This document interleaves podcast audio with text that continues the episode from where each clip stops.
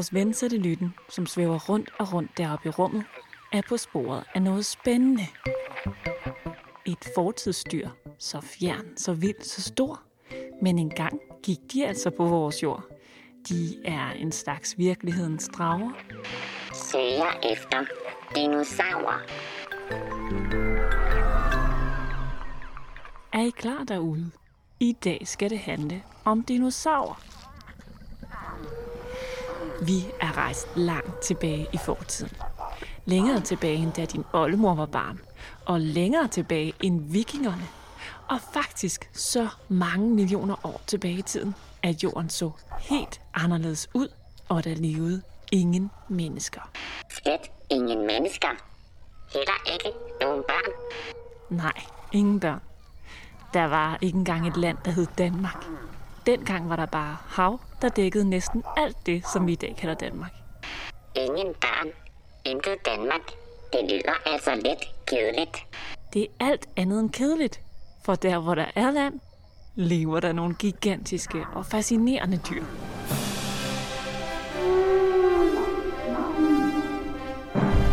Dinosaurerne.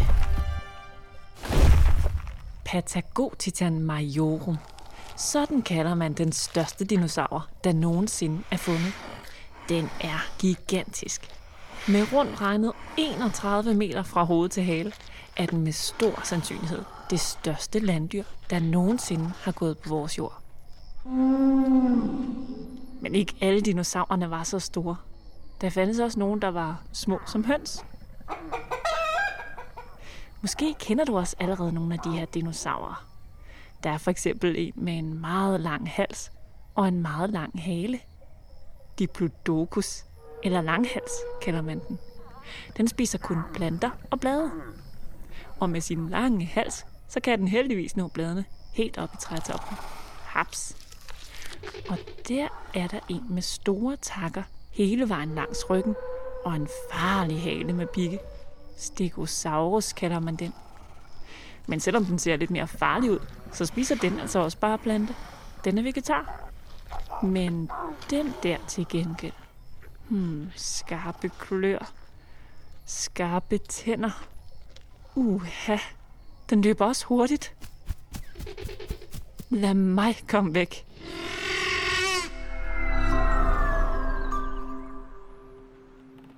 Pyha, nu er vi tilbage i sikkerhed i nutiden. Og som du nok ved, så findes der altså ingen dinosaurer i vores tid. Heller ikke de super farlige Tyrannosaurus rex. Heldigvis. Men der findes til gengæld sten. Og det er altså ikke nogen helt almindelige sten. For måske de her sten, som jeg sidder med i hånden, er resterne af en Tyrannosaurus rex. Lyder det vildt? Det er det også.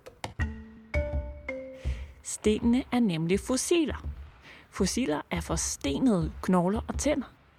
Vidste du godt det, at knogler og tænder kan blive så gamle, at de bliver til sten?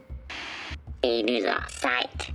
Bliver alle slags tænder så til de her fossilsten? Nej. For at blive til et fossil skal tanden begraves dybt under jorden, og så tager det altså millioner af år.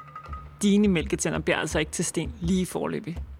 Men måske har du set nogle fossiler, hvis du for eksempel har været på museum og set et dinosaurskelet. Og når du lærer om dinosaurerne, så skal du vide, at det kan du, fordi forskerne kan lære helt vildt meget om dinosaurerne ved at kigge på fossilerne. De kan lære, hvordan de så ud, hvor store eller små de var, hvordan deres fjer og hud så ud, hvordan de spiste og alt muligt andet. For indtil videre har man fundet lige omkring 1000 forskellige slags dinosaurer. Men forskerne mener, at der har eksisteret mere end 2000 slags, og at der derfor ligger ufattelig mange fossiler begravet dybt nede i jorden, på steder vi endnu ikke ved. Så hvem ved? En dag finder vi måske en, der var endnu større end Patagotitan majorum, eller en, der var endnu farligere end Tyrannosaurus rex.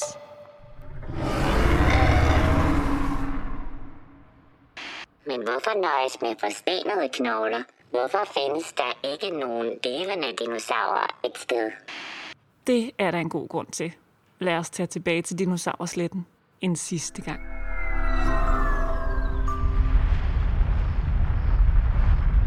Det her, det er et vulkanudbrud. Og jeg tror, der kommer endnu et. Hold dig for ørerne. De her vulkanudbrud, de sender en masse giftige stoffer ud over store dele af jorden. Og ud over dinosaurerne, der levede dengang. Ups, det lyder ikke så godt. Døde dinosaurerne så af de stoffer? Nej, dinosaurerne døde ikke af det. Men de planter, som mange af dinosaurerne spiste, de døde. Og hvis du lever af planter, så er det altså noget rigtig skidt. For så er der ikke noget mad tilbage til dinosaurerne. Og som om det ikke var nok, så ventede der dinosaurerne endnu en katastrofe. En gigantisk sten, en asteroide, flyver gennem luften med høj fart. Forestil dig det lige.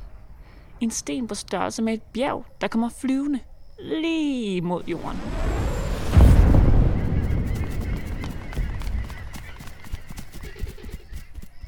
Det gik ikke stille for sig, da den ramte jorden og eksploderede.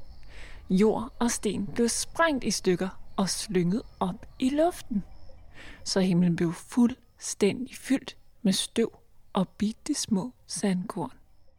Og ligesom de giftige stoffer fra vulkanudbrudene, så regner man med, at stødet fra meteoren breder sig over næsten hele jorden. Og så blev der helt mørkt.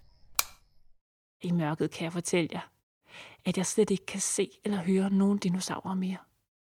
Hele himlen er fyldt med støv, der lukker for solens lys. Det er ligesom om, at det er vinter og nat i flere år i træk. Vinter og nat i flere år. Nu lyder det altså kedeligt igen. Ja, det var det også. Men det var også alvorligt, for uden solens lys kunne ingen planter leve længere. Og så var der intet mad tilbage til dinosaurerne. Først døde dem, der spiste planter, og så var der intet mad til de dinosaurer, der spiste kød, og så døde de altså også. Så de her voldsomme naturkatastrofer udstillede alle de dinosaurer, der levede. De uddøde, siger man. Ingen nye babydinosaurer. Øv. Men inden vi bliver alt for ked af det, så prøv en gang at kigge op i himlen. For en lille gren af dinosaurernes verden lever faktisk i dag. Det er fuglene. De ligner ikke ligefrem dinosaurer, vel? For de har udviklet sig rigtig meget siden dengang. Men langt tilbage, så er de faktisk i familie med dinosaurerne. For selvom stort set alle planter og dyr blev udslettet dengang, så var der altså nogle dyr, der slap fri. Selvom vi ikke har nogen levende dinosaurer i dag, så har vi heldigvis de fantastiske fossiler, der kan fortælle os en masse historier om dinosaurernes tid her på jorden.